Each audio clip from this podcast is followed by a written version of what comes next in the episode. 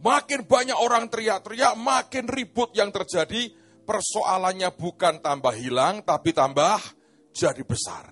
Dan Tuhan berkata, sering kali, bukan itu yang aku sediakan buat mereka. Dan aku tidak pernah menginginkan anak-anakku itu menciptakan kegaduhan yang tidak perlu. Oleh karena reaksi mereka sebetulnya yang salah ketika menghadapi sebuah persoalan. Saya mau mengajak Anda belajar dari seorang tokoh di Alkitab. Mari kita buka firman Tuhan. Kita akan baca bagian per bagian. Kita lihat kejadian pasal yang ke-25, mulai ayat yang ke-19. Saya berdoa dengan cerita ini, dengan perikop ini, kita belajar mengatasi semua problem kita dengan cara Tuhan. Sehingga tidak menimbulkan keributan dan kegaduhan yang lebih mengerikan lagi. Mari kita lihat kejadian 25, lihat pada ayat yang ke-19. Inilah riwayat keturunan Ishak, anak Abraham. Abraham memperanakkan Ishak. Dan Ishak berumur 40 tahun ketika Ribkah, anak Betuel, orang Aram dari Padan Aram, saudara perempuan Laban orang Aram itu diambilnya menjadi istrinya. Ayat 21, Berdoalah Ishak kepada Tuhan untuk istrinya, sebab istrinya itu mandul. Tuhan mengabulkan doanya, sehingga Ribkah istrinya itu mengandung. Tetapi anak-anaknya bertolak-tolakan di dalam rahimnya. Dan ia berkata, jika demikian halnya, mengapa aku hidup? Dan ia pergi meminta petunjuk kepada Tuhan. Saudara saya punya beberapa hal yang Tuhan sampaikan di hati, dan malam ini saya berharap akan jadi sesuatu yang menolong kita untuk melihat akan kehidupan kita ini. Yang namanya kehidupan itu sebetulnya setiap saat itu kompleks dengan segala macam persoalan. Coba lihat hidup mereka. Yang namanya Ishak mau didapatkan jodoh saja persoalan. Ya kan? sampai harus Eliezer diutus oleh Abraham ke Urkasdim cari istri buat anaknya. Ketika sudah mendapatkan istri, muncul problem baru. Ternyata Ribkah ini mandul. Nah tidak ada orang tahu kan, ini akan jadi seorang istri yang punya banyak anak atau mandul. Sudah mendapatkan istri saja susah, begitu kemudian kawin, mandul. Lalu setelah mandul didoakan oleh Ishak. Lalu punya anak. Problem nggak? Problem lagi. Dua anaknya bertolak-tolakan, berantem dalam perut. Coba Anda lihat. Setelah kemudian nanti lahir, problem nggak? Problem lagi. Coba Anda perhatikan. Hidup ini memang seperti itu. Setiap kali kita melewati satu, Anda harus siap melewati yang kedua. Anda mengatasi yang kedua, Anda harus siap menghadapi yang ketiga. Sampai nanti kita dipanggil pulang, baru semuanya selesai. Sementara banyak orang berpikir begini, problem kok nggak selesai-selesai ya? Kapan selesai? Kalau hari itu Anda dipanggil pulang. Saya akhiri Pak hidup saya, tambah problem di neraka Anda. Problemnya terus makin menggila. Jadi harus bagaimana Pak? Mari kita berpikir dengan cara sederhana. Hidup itu seperti lari maraton. Mari kita lari dalam ketekunan, kerjakan dengan tekun, selesaikan satu demi satu, dan kita harus ingat Alkitab berkata, kesusahan sehari cukup untuk sehari, besok ada kesusahannya sendiri. Jadi mari jangan dipikir nanti kelak seperti apa, kelak seperti apa. Akan gila kita saudara. Maka yang ada pada hari ini kita selesaikan dengan Tuhan. Apa pun yang kita harus hadapi, mari kita hadapi. Dalam kehidupan saya sering kali kita menghadapi beberapa persoalan sekaligus. Pagi itu saya bangun dengan sadar ada tiga empat hal yang harus aku selesaikan. Maka saya berkata Tuhan, tolong aku bagaimana aku mengatasinya. Dan Tuhan berkata, kamu duduk tenang, sekarang kamu buat daftar persoalanmu hari ini apa. Lalu Tuhan mengatakan, mulai selesaikan satu demi satu dengan aku. Nanti kamu lihat hari ini berakhir, kamu menang atas semuanya. Nah besok bagaimana Tuhan? Kesusahan sehari cukup untuk sehari. Besok urusan lain lagi. Nah besok seperti apa? Besok duduk lagi dengan Tuhan. Kita selesaikan satu demi satu. Dan kalau Anda belajar seperti itu, saudara akan kuat. Karena begini, banyak orang tidak menyiapkan dirinya dan mentalnya menghadapi akan maraton dalam kehidupan kita. Kita ingin lari sangat cepat, langsung dapat medali emas.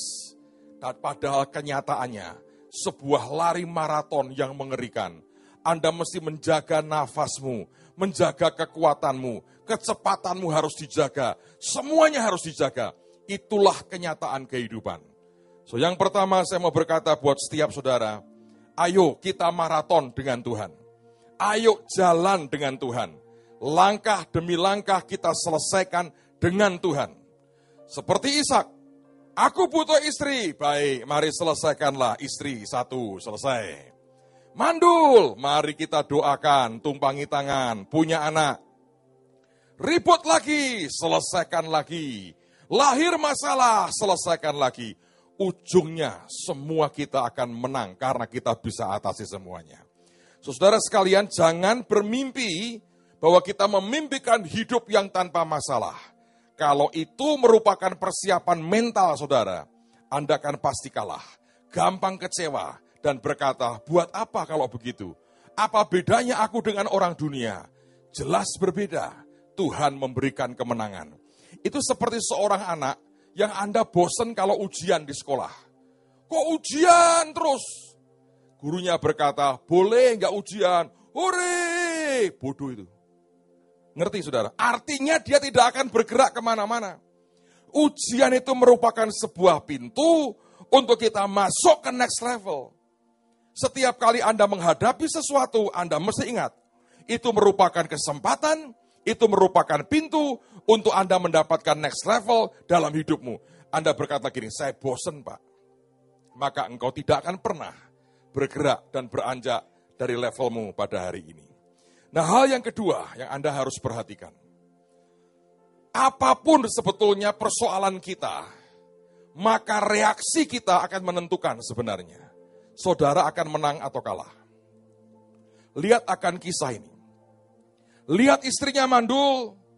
Alkitab tidak berkata, lalu Ishak berkata, memang aku harus seperti bapakku. Bapakku itu dapat perempuan lain. Mungkin dipancing ya, aku mau kawin lagi. Siapa tahu lahir seseorang bisa mancing kamu nanti kelak kamu hamil. Saudara, apakah dia berpikir begitu? Sebetulnya dia bisa dengan gampang loh berpikir seperti itu. Dia berkata, dulu bapak begitu. Harus lahir dulu Mas Ismail, baru gua lahir. Dia bisa berkata, kalau begitu, aku cari Hagar yang lain. Bapakku boleh kok. Tapi hari itu, dia membuat reaksi yang luar biasa. Ishak mendoakan istrinya.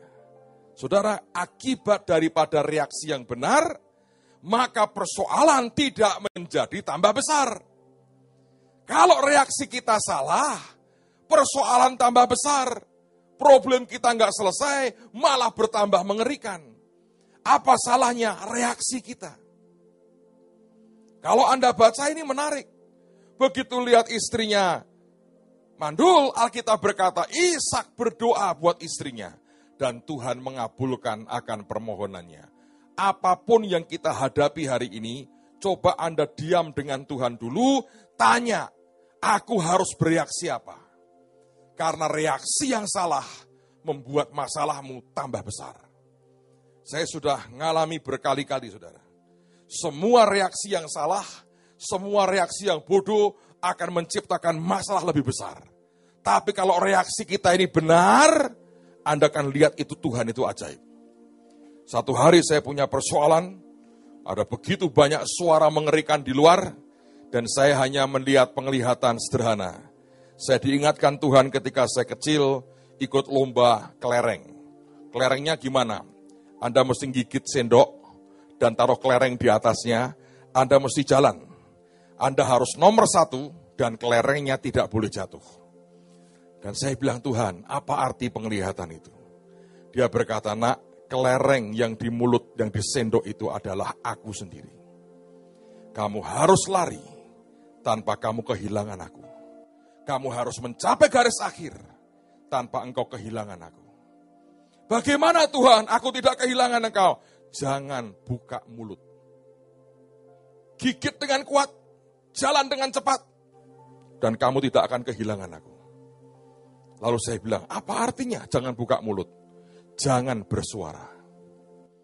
Orang boleh ngomong apa pun, lu diem.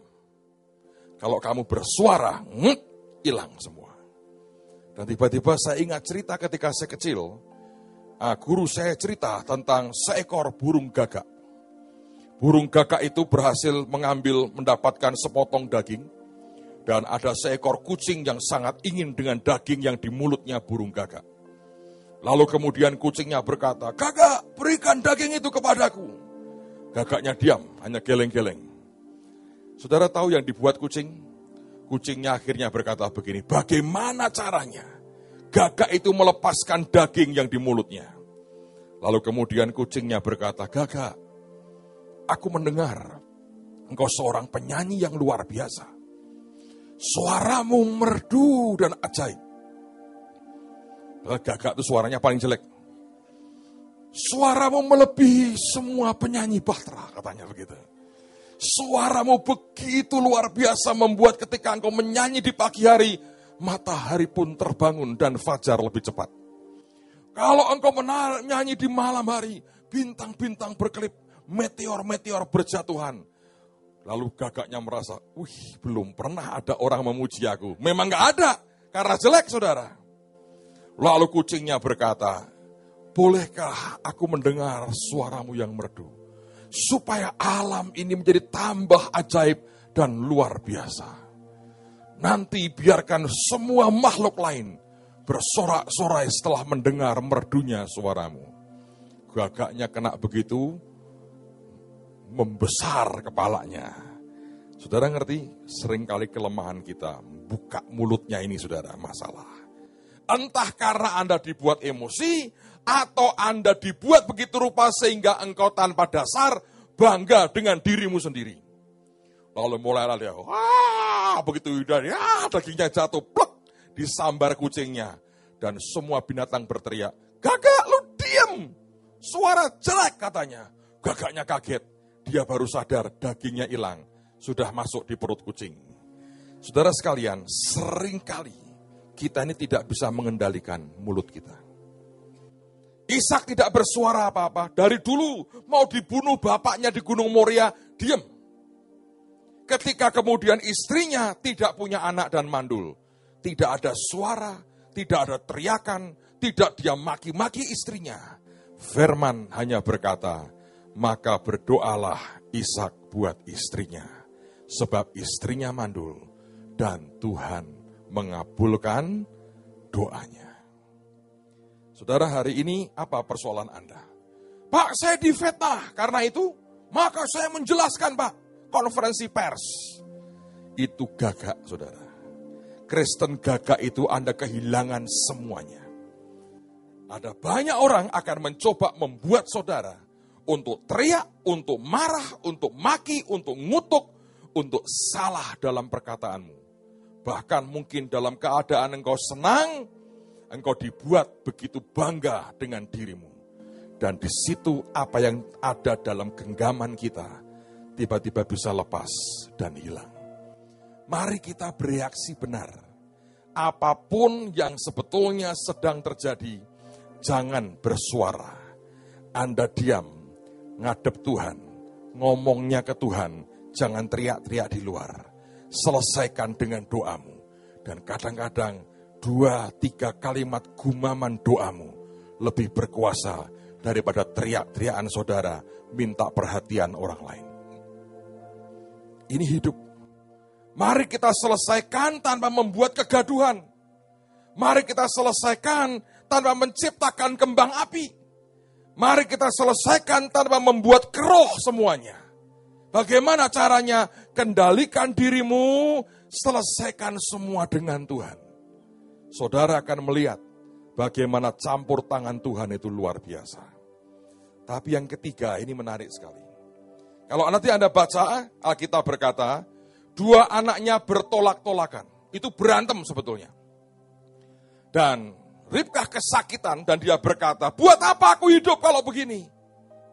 Yang minta anak siapa? Setelah diberi anak juga tidak puas. Berantem di dalam. Tapi yang ajaib Alkitab berkata, tapi Ribkah meminta apa? Petunjuk Tuhan. Ini juga kita lupakan.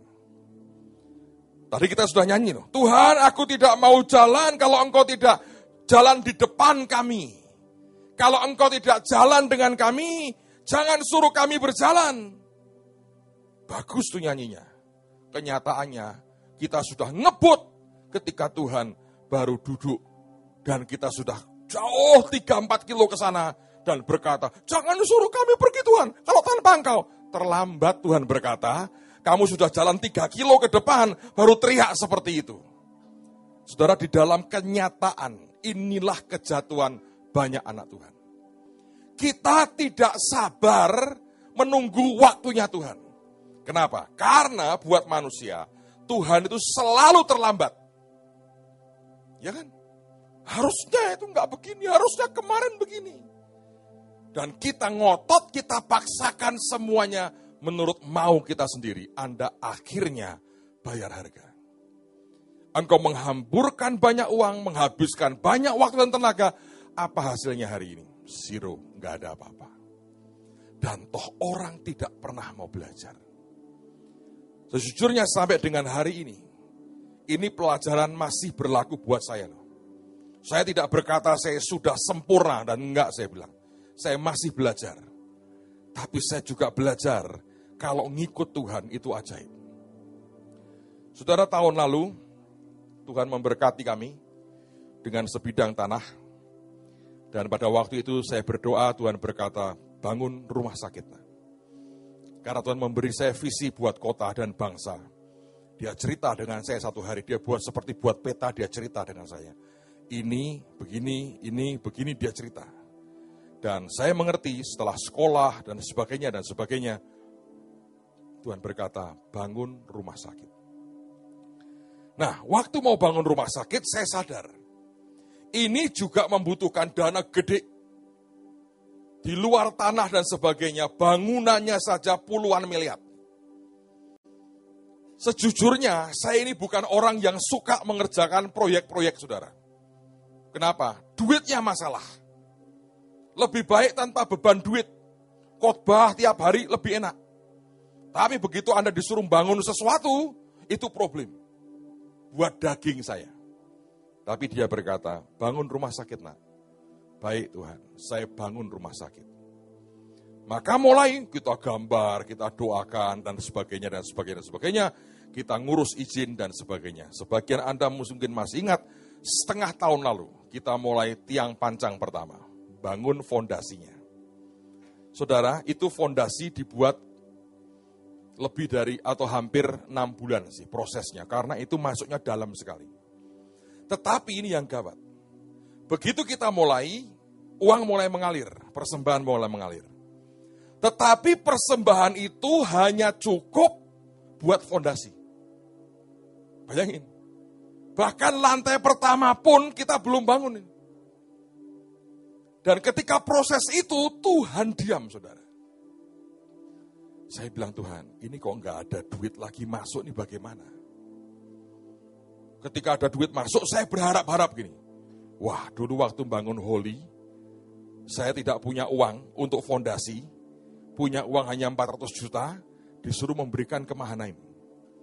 Ini saya juga mulai terima, saya bilang gini, kapan gua ke Bekasi ya? Mahanaim mungkin perlu duit ini. Mungkin saya kasih. Saya, orang itu otaknya selalu berkata gini, akan mengulang sekian tahun lalu. Loh Tuhan itu selalu baru kok saudara. Saya malah berkata, Windu kok nggak bangun-bangun ya? Ini mau serahkan Windu. Kok nggak ada perintah ini Windu? Windu nggak bangun-bangun ini. Ya, sudahlah saya simpen baik-baik. Saya tunggu itu nggak ada, nggak ada, nggak ada perintah. Itu mungkin kalau waktu itu Anda membangun gedung 50 ribu, mungkin disuruh kasihkan saudara. Mungkin, saudara. Mungkin tidak juga. Saya bilang, Tuhan ini bagaimana? Makin saya mikir begitu, saya makin geli sebetulnya. Karena dalam saya seperti berkata gini, terus-terusin, terus-terusin. Ujungnya cuman gak ada apa-apa kayak begitu itu. Nah itu manusia itu struggle-nya begitu saudara. Ini saya ngomong belak-belakan dengan saudara. Jangan dipikir kalau sudah begitu tenang, smooth, terserah, jalan di atas awan, terbang dengan Raja Wali. Hmm, badai tenang. Enggak, enggak tenang saudara. Badai mengerikan memang. Nah ini persoalan, padahal ini bangunan puluhan miliar. Belum isinya loh saudara. Kalau ditotal dengan isinya, ratusan miliar. Saya bilang ini Tuhan Yesus, Tuhan Yesus. Tapi aku tidak boleh mengeluh. Ini kepercayaan. Tapi ini susah Tuhan. Gimana nih breakthrough-nya ini piye? Saya bilang, ini gimana ini? Tapi otak saya, ini perang loh saudara. Di jiwa itu perang. Otak mengatakan, ya ngomong ke jemaat. Buat mereka janji iman. Di dalam roh kudus berkata gini, ah kuno itu. Ada yang lain. Tapi apa? Diam saja, bayangin. Saya nggak berani. Saya melangkah ngawur, ujungnya saya bisa utang. Jumlahnya gede. Saya nggak melangkah, orang bertanya, gimana Pak rumah sakitnya? Di situ ya saya hanya tiap kali itu cuma datangin Tuhan. Ini kalau engkau tidak bicara, ya sudahlah. Fondasi ya fondasi lah. Berhenti di fondasi ya berhentilah. Pasti Tuhan tidak malu. Wong kau tidak pernah salah. Yang malu paling-paling aku. Dan aku sudah biasalah, sudah. Sudah muka tembok, sudah, sudahlah. Yang penting aku tidak mau melangkah di luar kehendak dan tidak ada jawaban. Itu kalau sudah gitu terus Anda berpikir, maka Tuhan malaikat Gabriel datang. Hai anakku, emas 300 kilo buat engkau. Saya harap begitu, mungkin malam ini, saya nggak tahu. Tapi enggak, belum terjadi saudara, belum. Belum. Suatu hari setelah dalam pergumulan, saya tanya Tuhan, dan dia diam saudara. Saya bilang Tuhan, kalau ada perintah kayak dulu, Kasihkan semua ke Mahanaim itu selesai itu buat saya. Dan betul selesai. Ini nggak ada perintah. Bayangin ya, duit sepertinya nih saya diam-diam bertanya, siapa? Ke siapa? Ke siapa? Dan tidak ke siapa-siapa, saudara. Oh harusnya ke saya pak. Ya itulah harusnya, tapi kok enggak ya? Itu, ke mana anda selama itu? Sampai suatu hari saya mimpi. Mimpinya itu aneh. Saya lihat, saya lagi jalan di satu lorong, dan di ujung lorong itu ada sebuah ruangan, nggak terlalu gede sih. Tapi saya tahu di ruangan itu ada meja dengan beberapa kursi. Di atas meja saya tahu ada tumpuan gambar, maket, dan sebagainya. Dan saya tahu itu banyak proyek, makanya saya ini terus terang. Saya berkata, waduh ini rumah sakit ini bukan yang terakhir nih. Karena mimpi saya, saya tahu proyek banyak sekali di meja itu. Saya bilang, wah ini gawat ini. Tapi ketika saya lewati lorong itu aneh. Lorong itu penuh dengan anak-anak yatim piatu, saudara. Kalau di Mahanaim namanya rumah Shalom itu. Itu anak-anak ya, bergelimpangan kanan kiri itu. Seperti nggak keurus. Keluar ingusnya, keluar ini ya, bau nggak diurus. Dan mereka sama sekali seperti orang lapar yang sana sakit. Saya itu melewati mereka sambil lompat-lompat kiri, takut nginjek mereka. Kalau kecil saya injek lumayan loh saudara. Ini saya sampai begitu. Dan tiba-tiba saya terbangun. Ketika saya terbangun, saya masih ingat saya duduk di kasur saya. Terus saya berdoa, Tuhan, ini mimpi dari engkau bukan? Ya. Engkau mau bicara apa? Tuhan berkata begini, nak, kamu itu punya anak-anak seperti ini. Dan waktu itu jumlahnya nggak banyak. Dan mereka tidak punya tempat. Mereka cuma di satu rumah yang tidak terlalu besar, dan mereka tidak keurus. Dan Tuhan berkata, urusi mereka anak-anak ini. Nanti kamu akan sampai ke sana. Saya bilang, amin Tuhan. Saya bangun besok paginya, saya kunjungi itu anak-anak. Saya kaget karena terus terang, beberapa wajah yang saya lihat pada anak itu, saya lihat di mimpi saya. Saya carikan rumah, Saya pindahin ke rumah yang lebih gede. Dan rumah itu rumah bagus, rumah baru saudara. Saya pindahin. Saya panggil arsiteknya, saya bilang, gambar, aku mau di sini, lu bangun seperti ini. Aku mau bukan bukan sembarangan. Aku kasih kamu, harus kasih mereka playground. Tempat anak-anak itu main. Kasih taman yang bagus. Saya bilang, kasih asrama yang oke. Okay. Saya bilang, saya nggak mau ini anak-anak kepanasan. Kamu atur begitu rupa. Coba kamu hitung duitnya berapa. Dihitung. Itu kira-kira waktu itu dia bilang hampir 2 miliar. Saya bilang, bangun lah, bangun. Saya bilang, cepat selesaikan. Karena ini jadi awal buat yang lain-lain. Mulai dibangun. Selama itu Tuhan diam, saudara. Tiap kali saya ngomong rumah sakit lagi, dia diam. Seperti dia ingatkan saya, rumah shalom. Saya ngomong rumah sakit Tuhan, dia bilang rumah shalom. Ini orang sakit Tuhan, dia bilang anak-anak. Di sebuah titik, Anda toh harus berdamai dengan Tuhan. Yang dia mau, itu yang kita garap. Kerja saudara, cepat sekali. Dan ini, bulan ini sudah finishing. Dan bulan depan akan selesai semua, anak-anak akan pindah.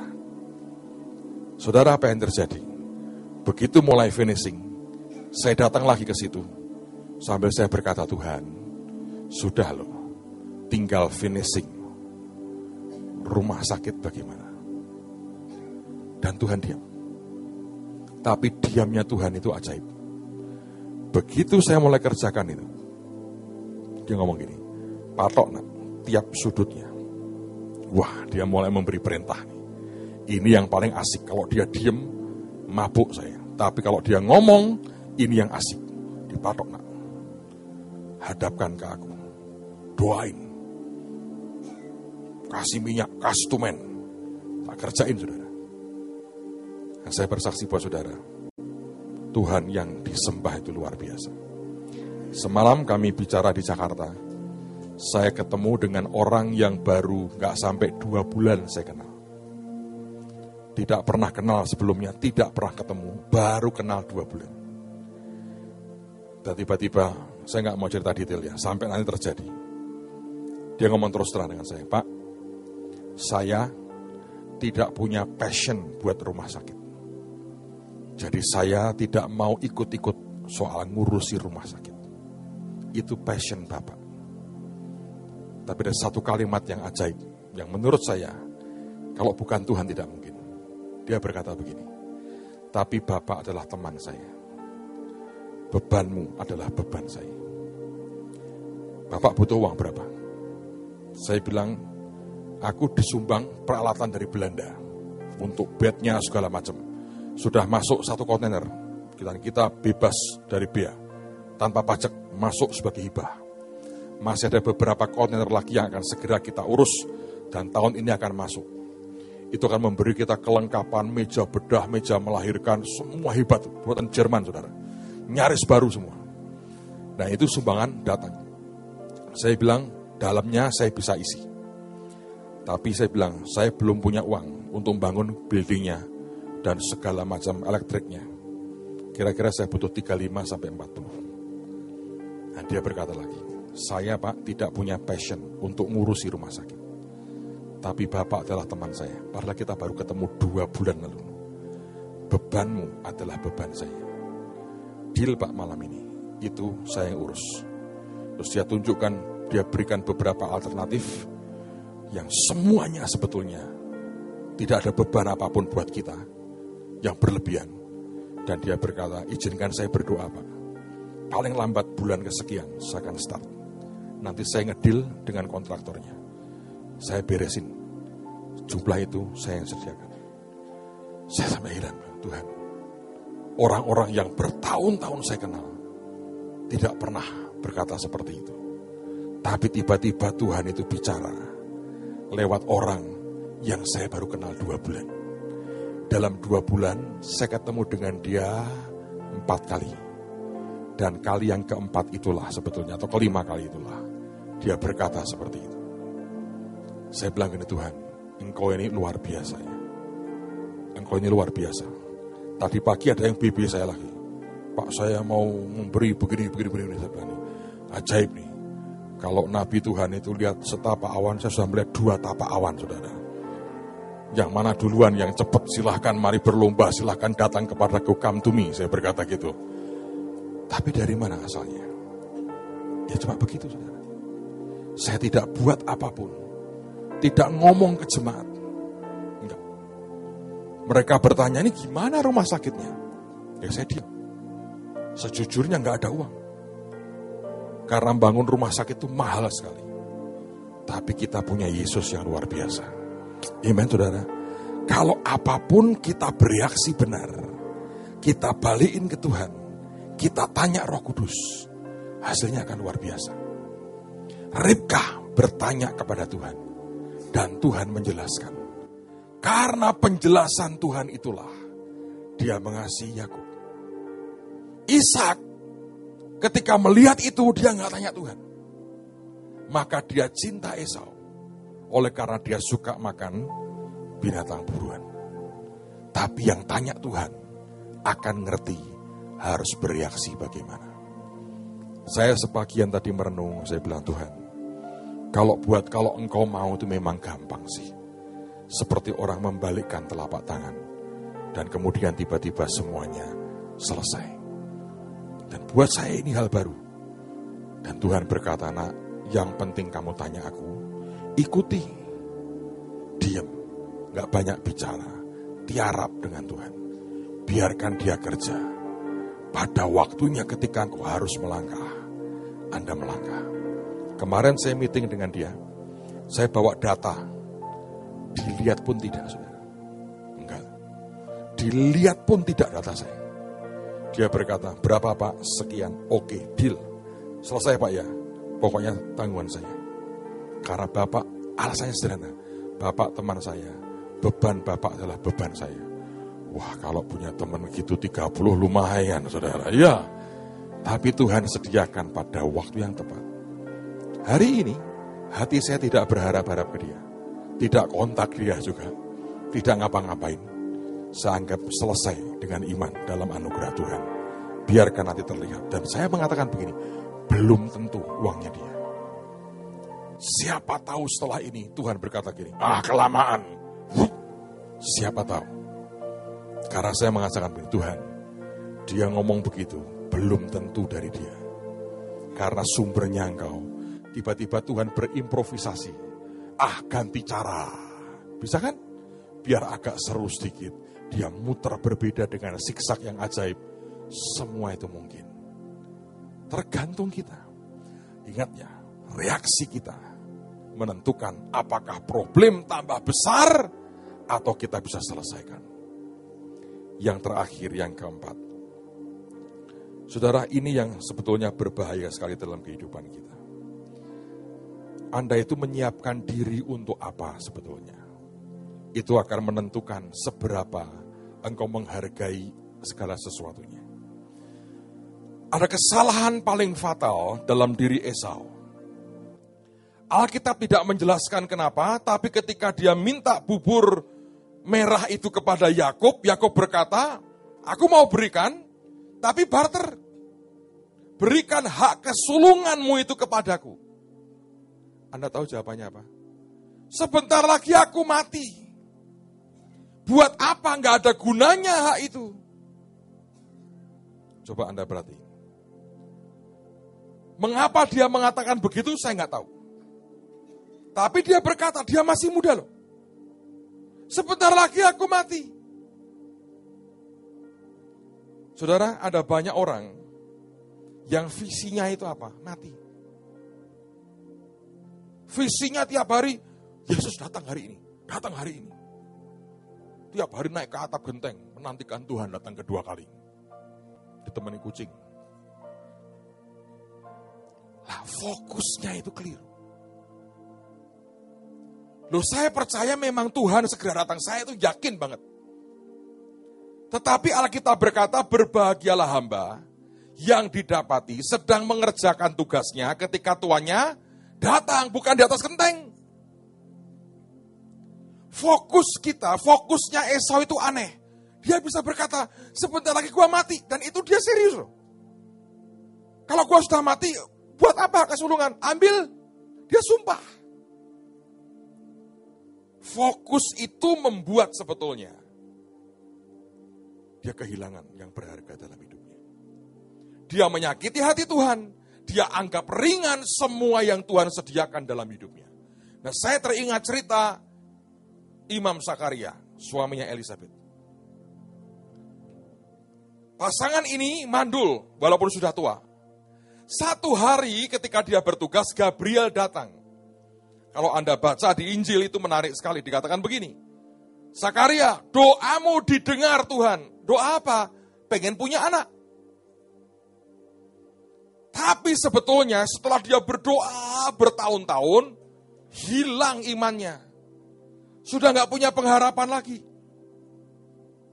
Yang dipikir apa? matilah. Kami sudah tua, sudah tidak mungkin punya anak. Selesai hidup kami, setelah ini kami mati.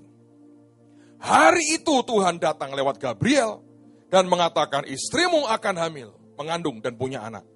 Dan dia tidak percaya. Dia berkata apa? Bagaimana aku tahu? Dan karena itu dia dibuat bisu. Esau juga problemnya sama. Sebentar lagi aku mati. Ini buat apa? Gak ada gunanya. Satu hari, Yesus akan datang kedua kali. Itu hidup kita selesai. Tapi hari itu kau didapati Tuhan sedang apa? Apakah target hidupmu yang Tuhan taruh bagi Anda itu sudahkah engkau genapi atau kau biarkan terbengkelai? Saya masih ingat itu. Ketika zaman sekolah, pelajaran paling berat itu adalah pelajaran terakhir. Kenapa? Semua mikir sudah mau apa? Pulang. Diomongin apa pun gak mudeng itu. Makanya banyak sekolah itulah pelajaran agama. Makanya banyak yang ke itu saudara. Karena yang dipikir ini pulang, pulang, pulang. Makan mami masa apa ya hari ini? Coba, yang dipikir itu makanan sudah perutnya lapar, pengen pulang. Jam terakhir begini terus itu anak-anak. Dan gurunya stres. Sama dengan kita, hati-hati loh saudara. Kalau Anda berpikir gini, aku ini sudah tua. Aku juga sudah pensiun. Ini kok ngomong mendoakan Indonesia buat apalah? Aku mau tanya aja, peti mati berapa harganya? Malah nggak mati-mati sampai 50 tahun lagi saudara kira-kira begitu itu tidak pernah membuat Tuhan itu bahagia. Menurut penelitian, hampir semua orang ketika dia mati, dia hanya memakai tidak sampai 10% daripada potensinya. 90% lebih potensi yang Tuhan berikan dalam hidupnya dikubur bersama dengan dia. Bagaimana Anda bisa berani ketemu muka dengan Tuhan? Sementara kita mengabaikan sebagian besar dari yang Tuhan berikan dalam hidup kita. Saudara, tahun ini saya merasa kuat sekali. Ini yang jadi sebuah tahun terobosan yang ajaib sekali. Saya sudah lihat sepanjang Januari ini saja. Saya bilang Tuhan, ini sudah luar biasa loh. Januari ini begitu banyak hal yang besar-besar muncul di depan. Saya masih belum mau cerita beberapa yang lain lagi. Nanti aja kalau sudah jalan. Tapi saya bilang semua dealnya terjadi di Januari. Dan Tuhan berkata tahun ini nak, akan terjadi percepatan yang luar biasa. Tapi dia berkata gini, seberapa mereka menikmati, tergantung seberapa mereka mengingini dan mereka siap untuk itu.